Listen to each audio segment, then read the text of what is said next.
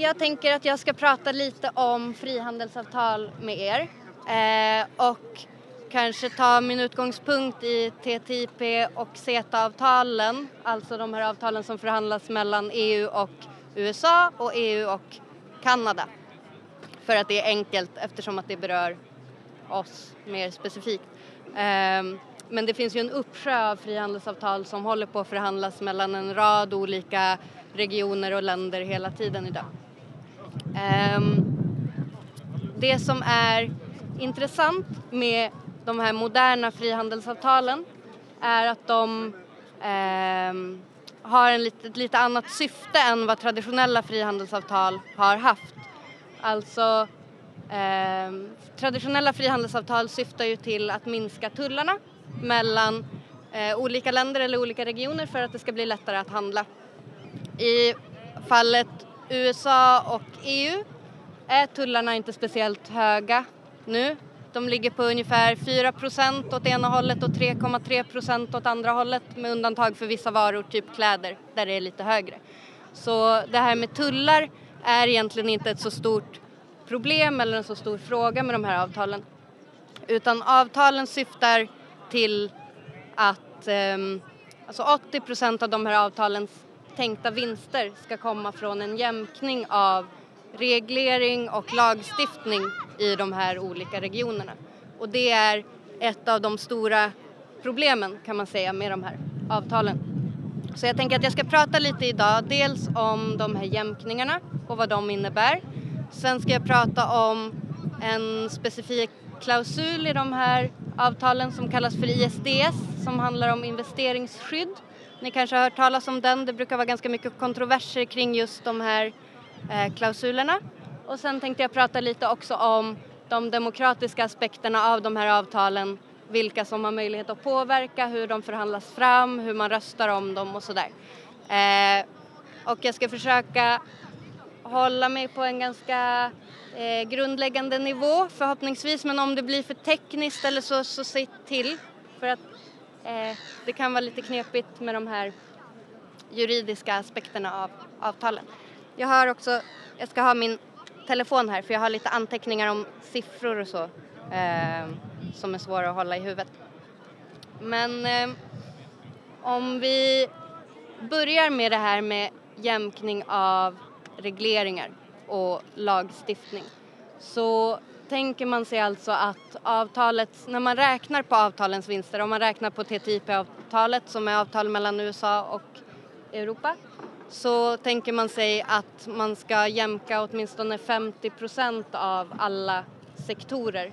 Och med sektorer menar man saker som eh, kemikalielagstiftning eller livsmedelslagstiftning eller tillverkningslagstiftning. När man pratar om de här avtalen, de som är positiva till de här avtalen, de brukar ta som exempel att det är eh, jättedumt att bilar som tillverkas i Europa eh, måste testas på nytt i USA för att man har andra regler för testning i USA än i Sverige. Varför ska man behöva testa vindrutetorkare på bilar på ett sätt här och på ett sätt där? Det bidrar till onödiga kostnader och så vidare. Det kanske är sant. Eh, men det är inte det som är det stora problemet utan det stora problemet är ju att man också tänker sig att man ska reglera annan typ av lagstiftning och andra typer av regleringar. Till exempel då när det gäller livsmedel. För om man ska kunna sälja amerikanska livsmedel i Europa, vilket är ett av syftena med det här avtalet, så måste man ju eh, kunna godkänna den tillverkningsform som man har i USA. Och den tillverkningsform som man har i USA går bland annat ut på att man eh, pressar in en massa antibiotika i djuren. Eh, det går ut på att man doppar kycklingar i klorin eh, för att de ska hålla sig rena. Det finns en massa sådana här aspekter av livsmedelshantering i USA som vi ur ett europeiskt perspektiv kanske tycker är problematiskt. Eh, och på samma sätt så har man i USA vissa eh, negativa uppfattningar om till exempel eh, hur man tillverkar ost i, i, i, EU som man tycker är ett problem från amerikanskt håll. Det är lite olika men, men det finns eh, eh farhågor på båda sidor kan man säga. Och från eh, de politiker som sysslar med det här, eh, från deras håll så brukar man säga att de här regleringarna ska inte jämkas på så vis att vi ska gå med på att vi ska ändra vår livsmedelshantering i EU. Vår livsmedelshantering ska stå fast men vi ska tillåta kött till exempel från USA att säljas här. Problemet med det är att man inte tänker på i så fall vad det har för effekter på eh, livsmedelshanteringen här. Även om vi inte ändrar våra regleringar så kommer det ju i praktiken innebära att det här billigare köttet kan man tänka sig från USA kommer eh, lättare bli sålt i EU och då har europeiska livsmedelsproducenter eh, två alternativ att välja på. Antingen så kan man lägga ner sin verksamhet och bli utkonkurrerad eller så kan man försöka anpassa sin verksamhet så att man själv kan sänka sina produktionskostnader och så vidare. Det är ett problem. Eh, ett annat problem är till exempel kemikalielagstiftningen som man också utifrån den här idén om att så många sektorer som möjligt ska jämkas skulle behöva jämka eh, mellan EU och USA. Och kemikalielagstiftningen ser ut så här i EU att vi har någonting som heter REACH som är eh, en slags, eh, ett slags ramverk där man stoppar in alla kemikalier som ska vara förbjudna på den europeiska marknaden. När kemikalier visar sig vara problematiska ur ett eller annat perspektiv så skriver man upp dem där och så får man inte använda dem. Och i REACH har vi listat 1300 kemikalier i dagsläget, 1300, 1300 ungefär. Eh, och på federal nivå i USA har man listat åtta kemikalier som är förbjudna. Och det är ganska stor skillnad och det beror på att i USA kan man inte retroaktivt lista kemikalier. Om de visar sig vara eh, problematiska i efterhand så kan man inte skriva upp dem. Eh, till exempel asbest som man har kommit på i efterhand inte är så jättebra. Det kan man inte förbjuda på federal nivå. Eh, Medan vi i EU har förbjudit det för länge sedan. Så det är också en problematisk aspekt av eh, de här jämkningsförslagen. En annan problematisk aspekt är ju att man lägger ett tak kan man säga.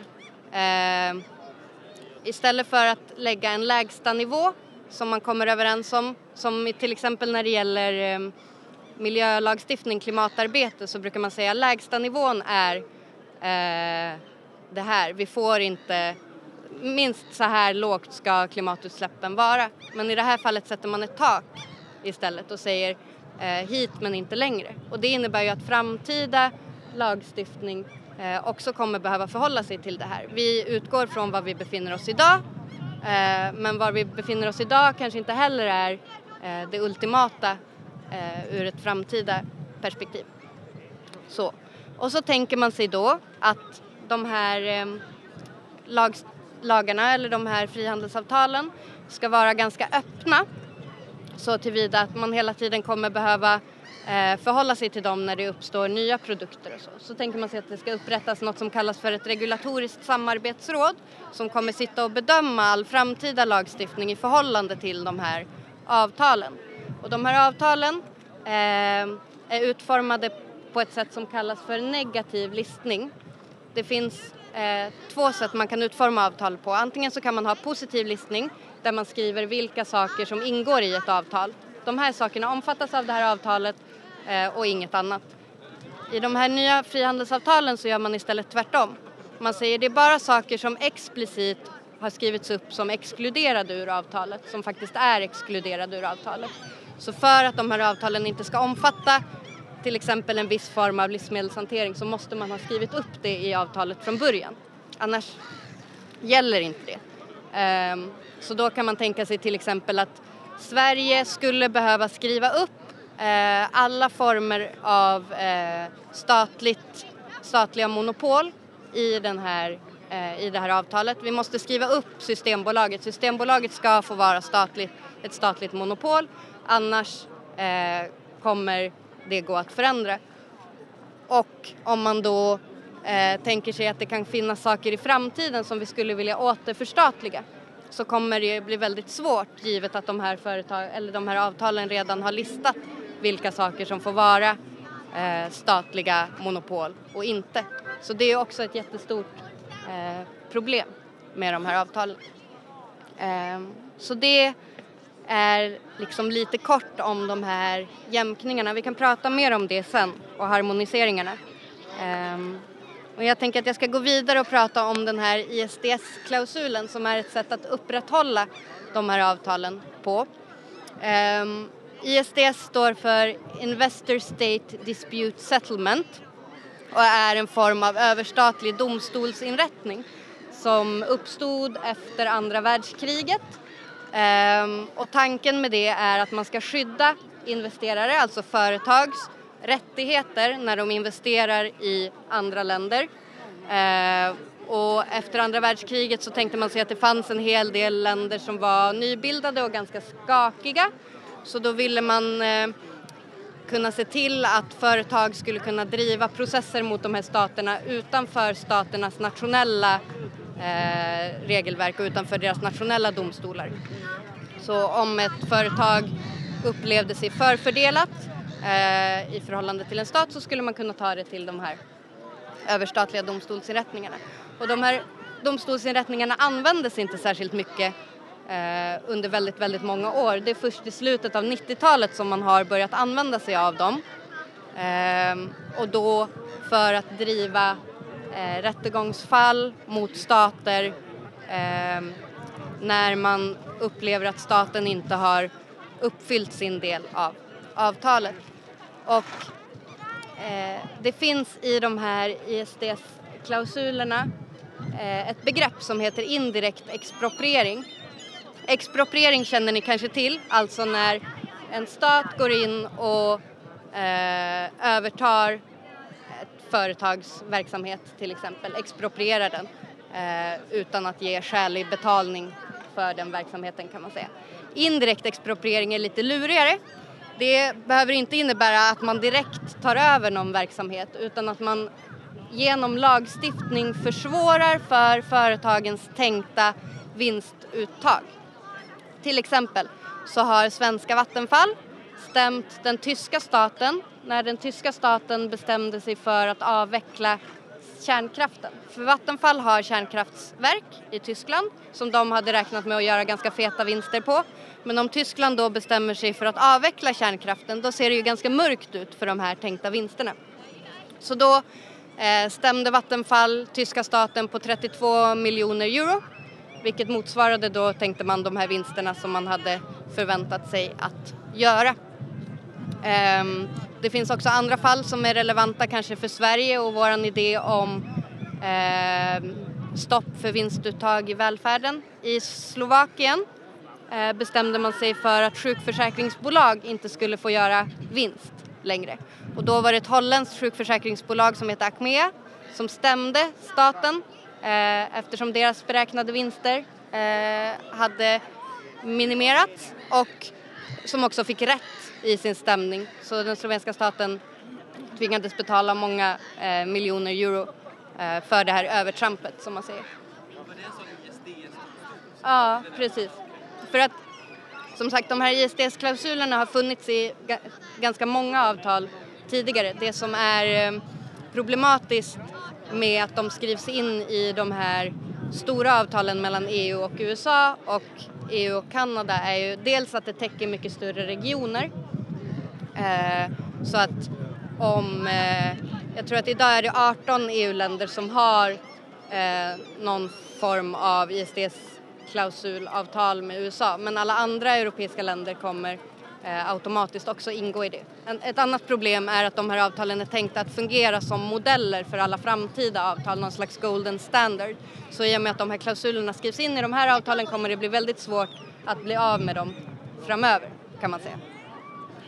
Um, Okej, okay, och eh, de här investeringsskyddsklausulerna är ju problematiska på flera sätt. Dels så är det problematiskt bara av princip. Alltså att man tänker sig att det som ska vara riskkapitalism, det vill säga att man tar en risk när man investerar i ett land och man har kalkylerat på det eh, och sen ändras lagstiftningen och man går miste om sin beräknade vinst. Det är ju det som riskkapitalism går ut på.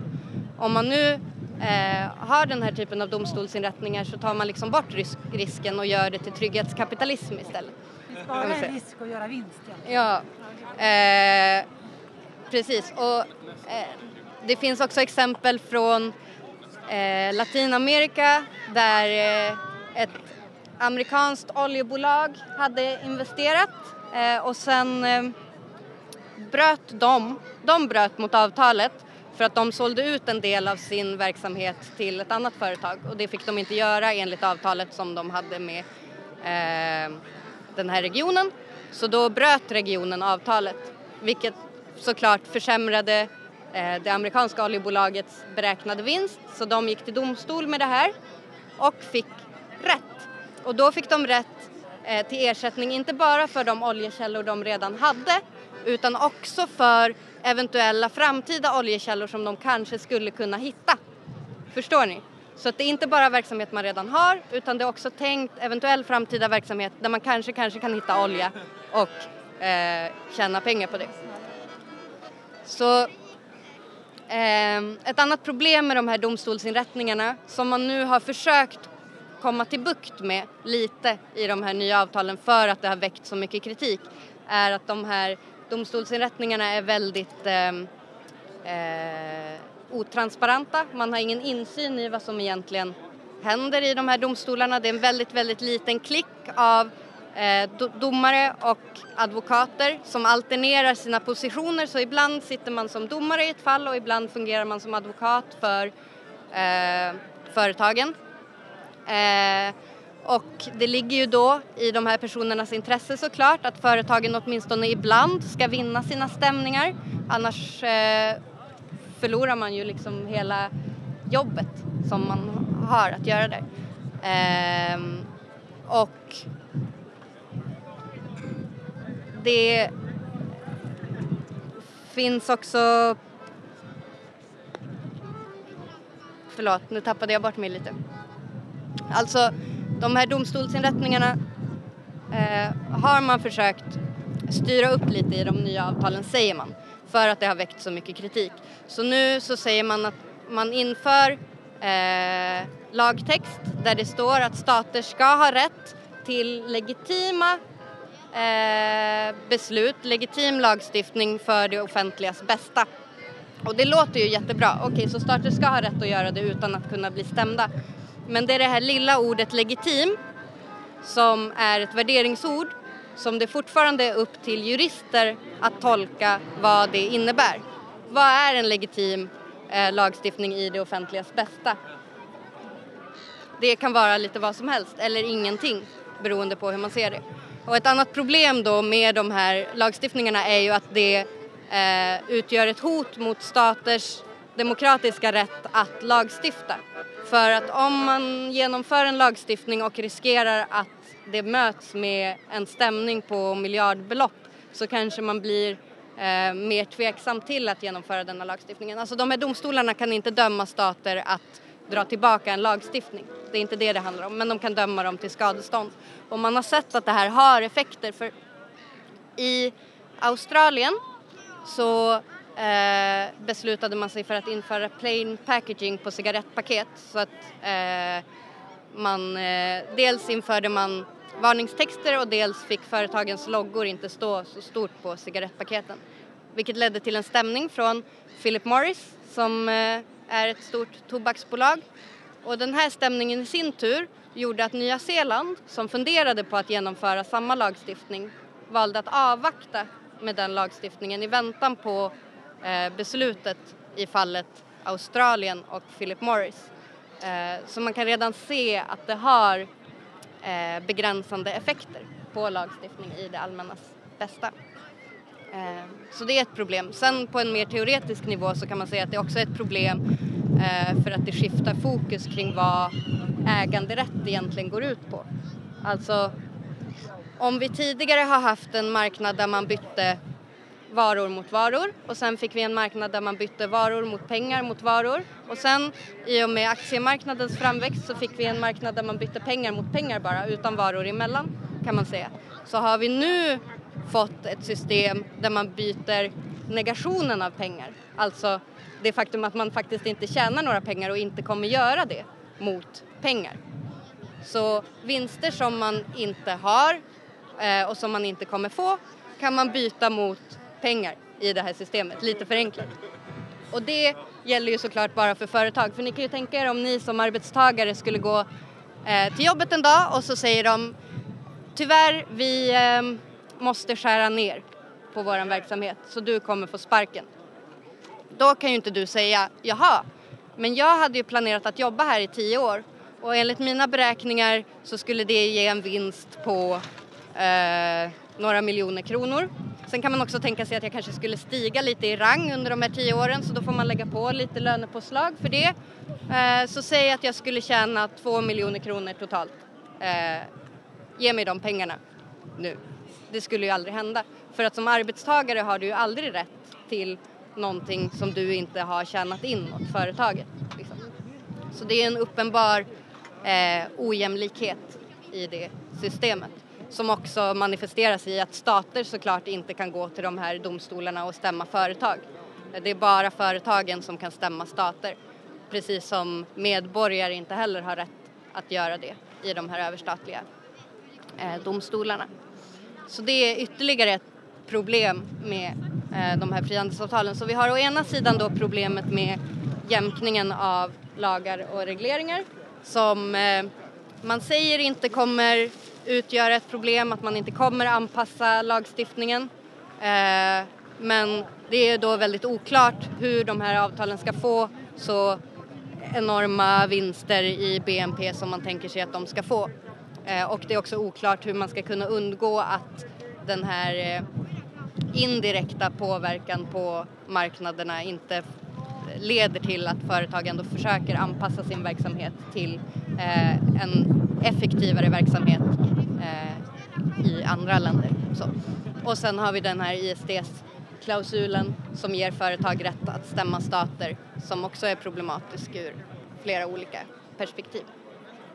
Sen har vi en tredje aspekt av de här avtalen som är problematiska som handlar om eh, vilken möjlighet medborgare eh, och stater egentligen har att påverka de här avtalen, vem det är som sätter agendan för dem, vems intressen det är som förs fram och så.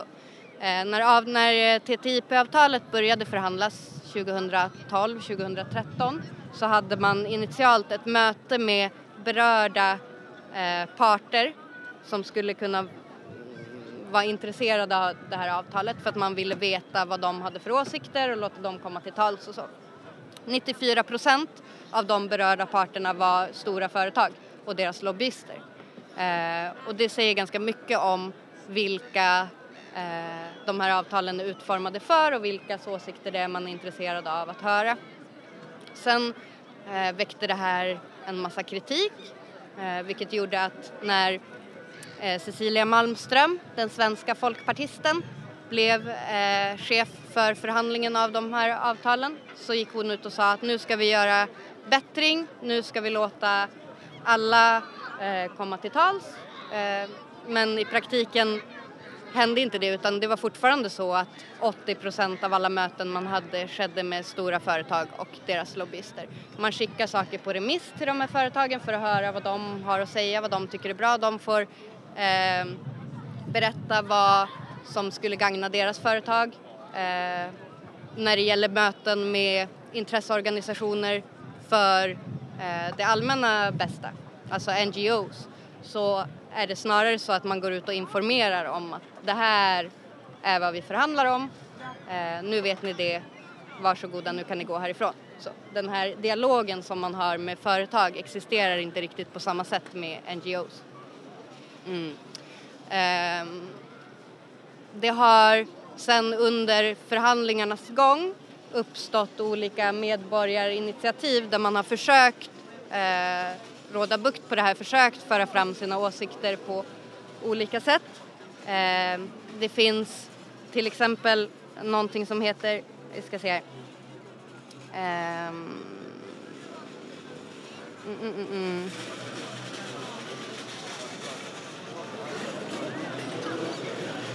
förlåt, förlåt, jo, European Citizens Initiative kallas det för, som går ut på att om man i EU lyckas samla en miljon namnunderskrifter för någonting eh, så har man rätt att få det prövat av EU-parlamentet. Eh, ehm, och man lyckades göra det här, man samlade ihop en miljon underskrifter för att få prövat att TTIP-avtalet, eh, TTIP-avtalets ISDS-klausul skulle strykas. Så lämnade man in det till EU och då svarade EU ja, men eh, det här är ett negativt formulerat lagförslag, att vi ska stryka någonting. Det kan vi ju inte behandla i EU. Det är inte så det är tänkt att fungera. Och så förde man det bara åt sidan. Man hade också vad man kallade för en eh, public consultation om ISDS-klausulen och om de här avtalen som var eh, online så vem som helst kunde gå in och svara på olika frågor om det här och komma med sina åsikter. Men frågorna var formulerade eh, på ett väldigt tydligt riktat sätt. Till exempel, eh, tycker du att ditt företag skulle tjäna på det här och det här? När du gör beräkningar för ditt företag, hur, ja ni förstår. Eh, men trots detta så var det väldigt många eh, organisationer som samordnade en eh, eh, vad ska man säga, en attack på den här eh, publika konsultationen och gick in och svarade ungefär samma sak. Det vill säga den här klausulen suger, den måste bort. Det fanns såklart inte som alternativ i den här konsultationen från början. Frågan var aldrig ska vi behålla klausulen eller inte utan hur ska vi utveckla den för att den ska vara så effektiv som möjligt för ditt företag. Eh, men man fick en massa, massa svar som gick ut på att klausulen var problematisk och att människor ville stryka den. 95 procent av svaren gick ut på det. Eh, och då svarade man från EU-kommissionens håll eh, det här kan vi ju inte räkna som godkända svar för alla svar är likadana. Så då kunde man lägga det åt sidan också och så vidare. Så det har liksom hela tiden successivt under förhandlingarnas gång eh, existerat sådana här försök att påverka förhandlingarna som man från EU-kommissionens håll eh, har valt att ignorera eller eh, omförhandla på, på olika sätt. Eh, så så har det sett ut inför förhandlingarna och under förhandlingarna och under förhandlingarna har man inte heller haft särskilt mycket insyn i vad det är som förhandlas. Det har förekommit vissa läckta dokument, men med betoning på läckta då, eh, för att vad som faktiskt förhandlas ska egentligen inte kommuniceras till allmänheten förrän avtalet är klart. Då läggs det fram för bo på bordet och då har man möjlighet att eh, säga sitt, tänker man. Eh, och att säga sitt i det här fallet, det vill säga när det ska röstas om det här i EU-parlamentet, då har eh, parlamentarikerna en eller två månader på sig att gå igenom det här avtalet och avtalet är kanske 1600 sidor var CETA-avtalet. Eh, tjock juridisk text som man ska dechiffrera och gå igenom och sen ska man ta ställning till inte olika delar i avtalet utan om huruvida man ska säga ja eller nej till avtalet i sin helhet. Det finns alltså inte möjlighet att säga okej okay, vi tycker att de här delarna är bra men det här är problematiskt och det vill vi inte ha med. Utan för att få vissa av delarna måste man säga ja till alltihop. Eh, och så ser det ut också i USA. Eh, så att man röstar om eh, avtalet i sin helhet och man har väldigt, väldigt begränsad tid på sig att ta till sig vad det här avtalet faktiskt går ut på. Um, och uh, det här utgör såklart också ett stort demokratiskt problem. Så beslutsgången ser ut så här att um, först röstar man i uh, Europeiska rådet där alla har varsin representant för avtalet och sen går det vidare till EU-parlamentet där EU-parlamentarikerna röstar om det. Och sen om avtalet räknas som ett så kallat mixed agreement, vilket CETA-avtalet har gjort eh, och TTIP-avtalet förmodligen skulle göra, eh, så kommer också respektive medlemsland få rösta om de delar av avtalet som går utöver EUs eh, jurisdiktioner. Så till exempel den här ISDS-klausulen, ja, Mixed agreement går ut, eh, kallas ett avtal som eh, går utöver det EU har rätt att lagstifta om. Så om man kan visa att avtalen eh, omfattar saker som inte ligger inom EUs jurisdiktion så räknas det som ett mixed agreement och då har medlemsländerna också rätt, rätt att rösta. Och från början så ville man ju inte alls såklart eh, ser de här avtalen som mixed agreement utan man ville att EU skulle kunna rösta om dem helt och hållet men eftersom att det har växt så mycket eh, motstånd och kontrovers kring det här så har man varit tvungen att gå med på att det är ett mixed agreement och låta vissa delar av avtalet gå på remiss till medlemsländerna. Så med CETA-avtalet som man har röstat ja för i EU-parlamentet eh, så är det så att vissa delar av det ratificeras direkt och andra delar av det införs eh, tills vidare och sen om medlemsländerna skulle rösta nej till det så dras det tillbaka, tänker man sig. Sen om det faktiskt skulle vara så i praktiken är lite mer oklart. Så att man har åtminstone en teoretisk chans att säga nej till de här avtalen på eh, nationell nivå. Så Sverige skulle kunna rösta nej till avtalet i riksdagen. Eh, vilket kanske inte är så troligt för svensk del eftersom både Socialdemokraterna och Miljöpartiet är för de här avtalen eh, och förmodligen inte kommer ändra sig i den frågan om inte motståndet blir alldeles för stort. Ja.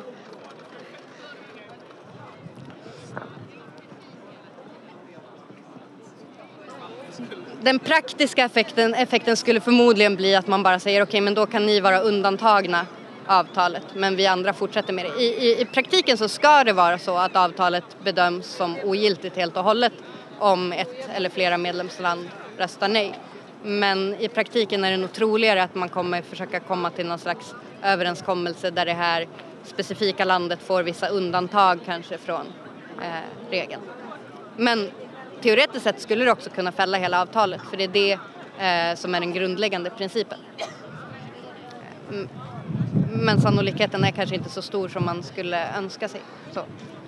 Eh, sen eh, nu har vi också Donald Trump som sitter i, i USA som president och eh, förhåller sig skeptisk till de här avtalen i allmänhet. Och om USA inte ratificerar avtalet så blir det såklart inget avtal.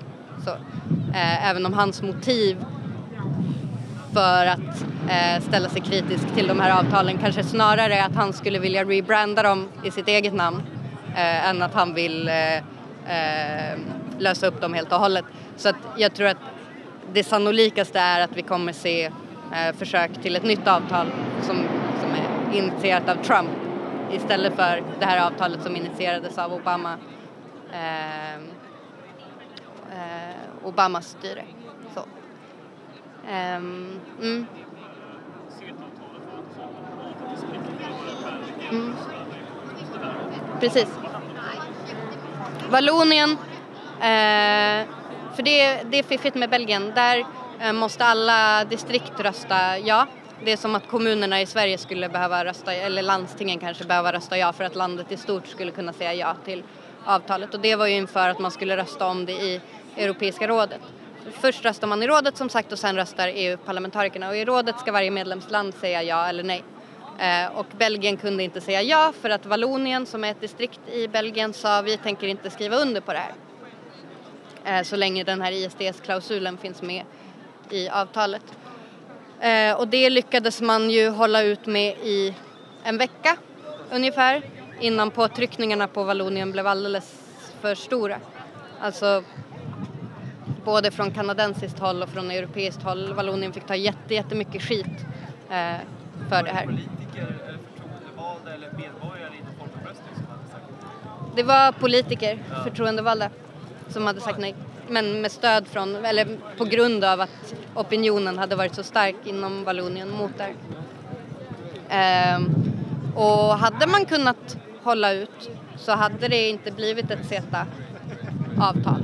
Men eh, eftersom påtryckningarna blev så, så pass stora och eftersom att de inte heller fick uppbackning någon annanstans ifrån så blev det väldigt svårt tror jag för Vallonien att stå upp mot. Eh, både från politiskt håll och från lobbyorganisatoriskt håll. Alltså företagslobbyn är ju extremt stark både i EU och USA och har extremt mycket pengar att eh, backa upp sin verksamhet med på ett sätt som civilrättsorganisationer, eh, NGOs, inte alls har. Så det är också en obalans i när det gäller påverkansmöjligheter. Så. Och också ett problem med att låta lobbyorganisationer ha en så stor roll i politiska, politiska förhandlingar. Eh, men på ett övergripande plan då så kan man säga att de här eh, frihandelsavtalen syftar till eh, att via juridisk väg eh, skjuta den nyliberala Eh, tanken om hur marknad ska vara organiserad eh, framåt och kodifiera den eh, i regelverk som är väldigt, väldigt svåra att bryta upp eller bryta mot. Ehm, bland annat då när det gäller privatiseringar som är en, en, en, en, väldigt viktig fråga så sätter man ett tak eller en, ja, ett tak för hur mycket som får vara eh, statligt ägt och sen Eh, från det taket är det väldigt svårt att återförstatliga saker igen. Alltså för svensk del då så skulle det dels bero på vilka saker som finns listade i de här avtalen och det som inte finns listade som undantag i avtalen det omfattas inte och kan därför inte återförstatligas till exempel. Eh, men också till följd av de här eh, stämningarna som företag kan initiera via ISDS-klausulen. Så om man skulle bestämma sig för att eh, lägga ett vinsttak eller helt slopa vinstuttag i välfärden så finns det ju företag, det är ganska många av till exempel skolföretagen, de här stora koncernerna som driver skolverksamhet privat i Sverige som har sin bas eh, i Amerika, alltså som är amerikanska företag i grunden. Och de skulle ju då via det här avtalet kunna, åtminstone teoretiskt sett men också förmodligen i praktiken, stämma Sverige för att Sverige eh, har försämrat deras beräknade vinstuttag genom att säga att de inte får ta ut vinst, helt enkelt. Eh, och då skulle Sverige eh, kunna bli ålagda att betala ganska stora summor som straff. Tidigare har det varit så också att eh, oavsett om man vinner eller förlorar de här förhandlingarna så måste man betala sina egna domstolsavgifter vilket har legat på 8 miljoner euro ungefär per fall. Så att även om Sverige skulle bli indragen då i en förhandling och vinna den så hade man ändå behövt lägga ut pengar. Nu har man ändrat det så att nu är det eh, förloraren som betalar den andras avgifter också, vilket väl är en liten förbättring men fortfarande inte tillräckligt för att det ska göra några reella skillnader. Man kan också säga att 42 procent av alla fall som har varit uppe i de här domstolarna har dömts till företagens fördel eller slutat. 42 procent. Nej, 42 procent har dömts till statens fördel, förlåt. Så att en majoritet av fallen har dömts till företagens fördel eller resulterat i förlikning, som också är ganska vanligt. Och då från eh, förespråkarhåll så säger man att en majoritet av fallen inte alls döms till företagens Eh, fördel eftersom att de inte har vunnit en majoritet av fallen. Men om man räknar med förlikningarna som ändå också i någon mån är en vinst för att det alltid går ut på att staten betalar åtminstone en viss del av summan till företagen eh, så är det en stor övervikt på företagssidan kan man säga. Ja, Pontus.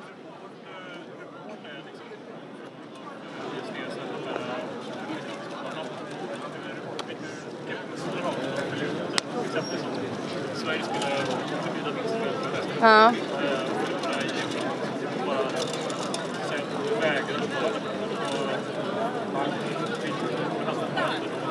Då har man brutit mot det här frihandelsavtalet kan man säga. Eh, så då kan man tänka sig sanktioner antingen från EU eller från USA eller från både EU och USA. Men det är ju som med alla överstatliga eh, domar att det kan såklart vara svårt att eh, utkräva dem på juridisk väg för man kan inte sätta ett helt land i fängelse till exempel. Men däremot, däremot så kan man ju införa eh, handelsblockader eh, eller eh, ehm, på annat sätt försöka påverka länderna.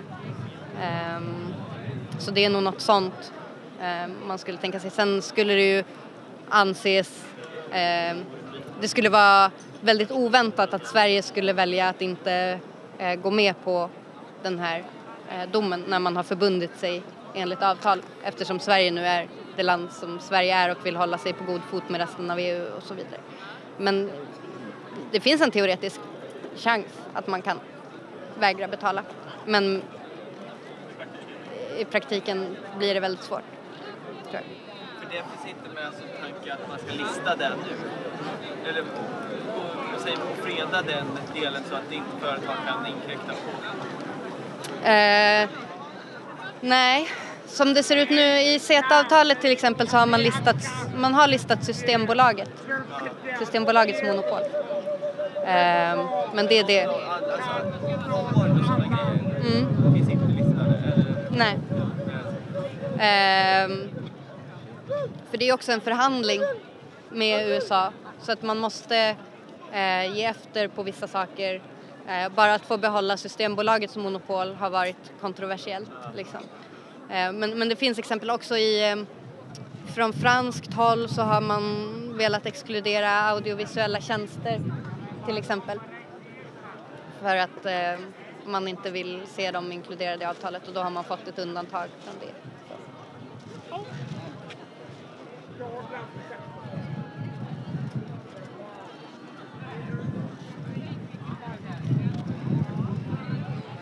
Ja. Har ni några andra frågor? Ställ frågor, vad som helst. Ja. Jag är inte så bra på ekonomi i vanliga fall. Men tänker, vi pratar om frihandelsavtal Mm, och det är det det handlar om. mm, Då tänker jag att de har väl från början varit för att gagna företagens vinst. Det är det Mm. tanken, eller hur? För, förenkla för Mm. företag och kunna och så vidare. Då blir det lite paradoxalt att man reglerar och tänker att det ska kunna stoppa möjligheter för företag att göra vinst. Så att det här som du säger att det bara är 42 procent. Eller jag menar att det låter ju nästan som att de här regleringarna också skulle på något sätt främja företagens möjligheter att göra vinst. Men Ja. det verkar ju inte vara bara det, så det verkar vara lite paradoxalt hela grejen. Hur tänker du då? Eller utveckla. Jo, men jag vet inte om jag kan utveckla, men jag tänker att om man till exempel det här som du sa i början med Tyskland. Ja. Vi hade ju planerat att göra vinst här, Vattenfall eller vad det var. Och så blev det inte så, så då gör vi en lagstiftar vi för att vi ska kunna få den här, eller vinna i det här. Mm. Mm. Om man tänker att lagstifta och reglera och sånt där, det är väl snarare liksom att man eller det låter så motsägelsefullt mot Ja, det är som ju-. Förstår De som är-? Ja. De som är riktiga liberaler, alltså det är också intressant med den här frågan för att de som är riktiga marknadsliberaler, de är ju också mot de här frihandelsavtalen eftersom att de tänker sig att marknaden ska reglera sig själv. Men det låter ju som att de här avtalen trots allt på något sätt ändå gagnar vinst. Ja, ja, oh ja, Så att det är ju Det är- egentligen bara ett sätt att förlänga som vi sa. Liksom, egentligen. Det är Man absolut. ska säga att det är inte Använda är staten liberalt som en mer... slags garanti för företagen. Ja, Ja. precis. Så att eh, oavsett om man gör vinst eller inte, om, om vinstbortfallet är en följd av att stater har ändrat förutsättningar för företaget genom lagstiftning så har man fortfarande någon slags rätt till sin vinst ändå. Så det är ju väldigt tryggt för företag. Och det som är, alltså utöver de här ISDS-klausulerna så är det ju redan så idag att företag som eh, tar risker, riskkapitalister som investerar i osäkra områden har möjlighet att teckna försäkringar. Det finns försäkringsbolag som arbetar med det här så det riskkapitalister brukar göra är att de tecknar en sån här försäkring och sen har de liksom eh, möjlighet då att återfå sin eh, beräknade vinst om det skulle gå åt helvete. Så att de har redan sådana eh, eh, vad ska man säga, hjälpmedel. Att göra det till lagstiftning mm, och inrätta de här domstolsinrättningarna är ju att ta det steget längre. Så att man slipper teckna egna försäkringar och har den försäkringen i ryggen ändå. Liksom. På eh, medborgares och skattebetalares och allmänhetens bekostnad kan man säga. Så att det sker parallellt som man liksom typ lägger massa kuddar kring företagens liksom, fortsatta existens och liksom skär man ner i liksom, de mest utsattas levnadsvillkor och så. Att det, liksom, det är direkt liksom verkande Ja, visst. Och det är också, alltså även ur företagssynpunkt, för att det man brukar säga är att de här företagen ska gagna små och medelstora företags möjlighet att handla med USA till exempel genom att göra det lättare. Eh, men i praktiken så är det ganska osannolikt att det är de små och medelstora företagen som kommer gagnas av det här. Eh, för att det är fortfarande eh, för små företag fortfarande ganska svårt att bedriva handel mot USA. Och i och med att marknaden då öppnas upp för konkurrens med konkurrenskraftiga företag, konkurrenskraftiga multinationella företag från USA så försämras också på vissa sätt förutsättningarna för små och medelstora företag i, i både EU och eh, USA. Så det är också ett problem, inte bara för allmänheten utan också för egenföretagare och sådär. Så egentligen kan man säga att det framförallt är de stora företagen som tjänar på det här, som vanligt. Det låter som att det är ganska mycket retorik i det här, att det ska låta lite fint. Men Det är väldigt mycket retorik. Um, Det känns som man mer eller mindre gör ett ja,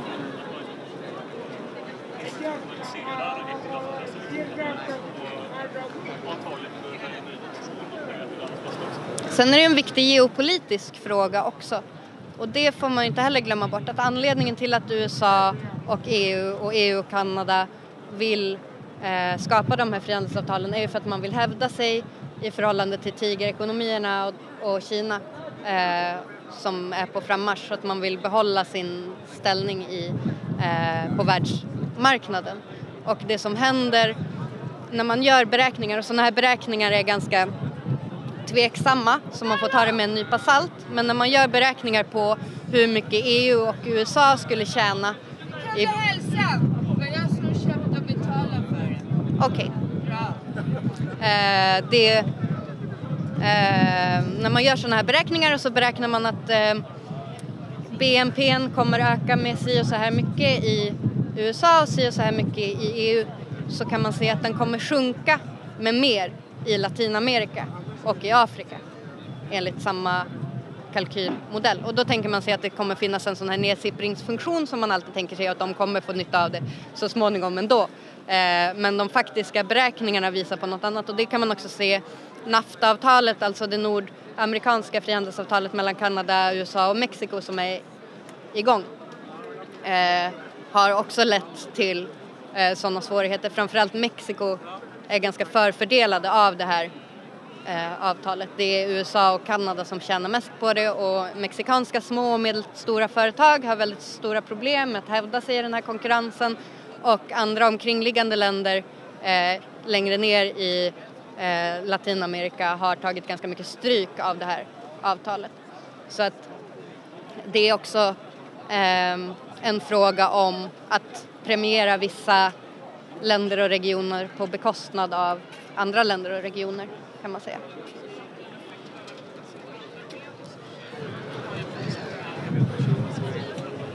Ja.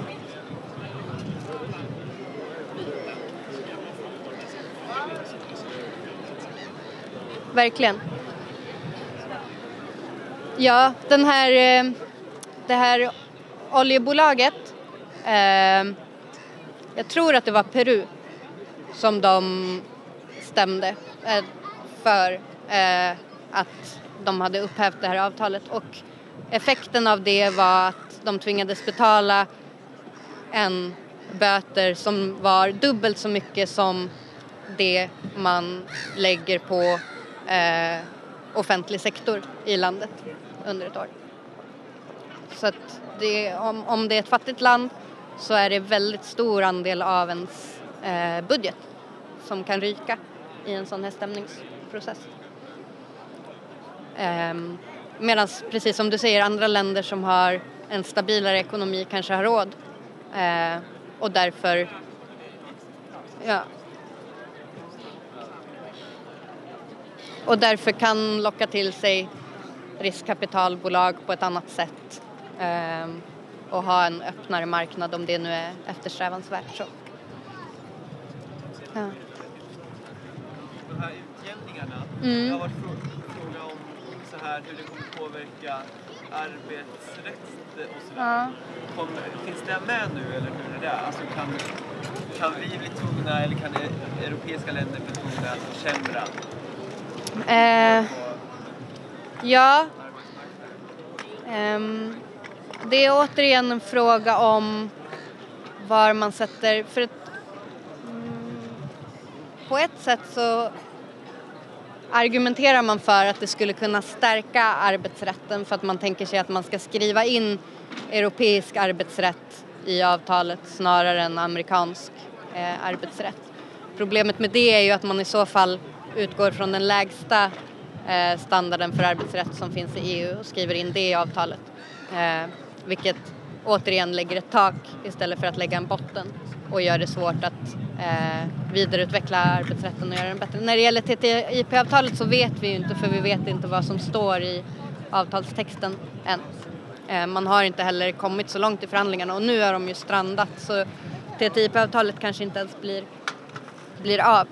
Eh, men man har också ett avtal som heter TISA-avtalet som handlar om tjänstesektorn eh, och som går ut på att reglera den och där finns det Eh, ganska stora farhågor för att avtalet kommer att försämra eller åtminstone öppna upp för försämringar av eh, arbetsvillkor och arbetsrättslagstiftning i, i EU. Um, ehm, men mm, TISA som brukar gå lite under radarn för att man är så upptagen med TTIP och CETA-avtalen. Um, ehm, men där är det återigen Eh, bland annat en fråga om hur man reglerar för privatiseringar men också vilken den högsta standarden för arbetsrätt ska vara och hur man ska men det här är ju genomgående i EU också. Eh, till exempel har man tidigare eh, lagstiftat, alltså inom EU, om järnvägen i så kallade järnvägspaket. Eh, och det fjärde järnvägspaketet eller det femte järnvägspaketet, vilket det nu var som man Eh, antog för några år sedan. Eh, där fanns det en, en tydlig klausul som handlade om att en viss procent av landets järnväg måste vara privatägd. Och då tog man Sverige som eh, modell för att vi har privatiserat en så stor del av vår järnväg. Eh, så la man ett, en, en grund för hur eh, mycket som ska vara i privat ägo och så lagstiftade man också om att det är staten som ska tillhandahålla alla omkringliggande saker Eh, men företagen ska få eh, använda sig av. Och så försökte man också eh, lägga till en klausul om att järnvägsarbetare inte får strejka men den eh, var man tvungen att stryka för det väckte för mycket eh, motstånd. Så det, är liksom, det sker på massa olika plan hela tiden i, eh, genom lagstiftning. Och att ja, men sån här överstatlig lagstiftning verkligen är det nya sättet att bedriva politik på och eh, cementera ideologiska värderingar på laglig väg. Liksom.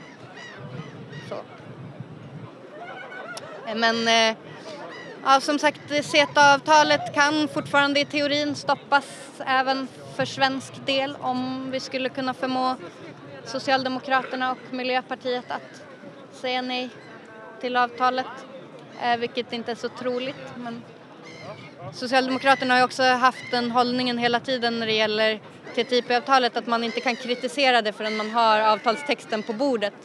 Vilket ju är helt idiotiskt när man vet att man sen bara får rösta ja eller nej så ska man ha någon möjlighet att påverka det så måste man ju kritisera det under förhandlingarna. Men det struntar de i.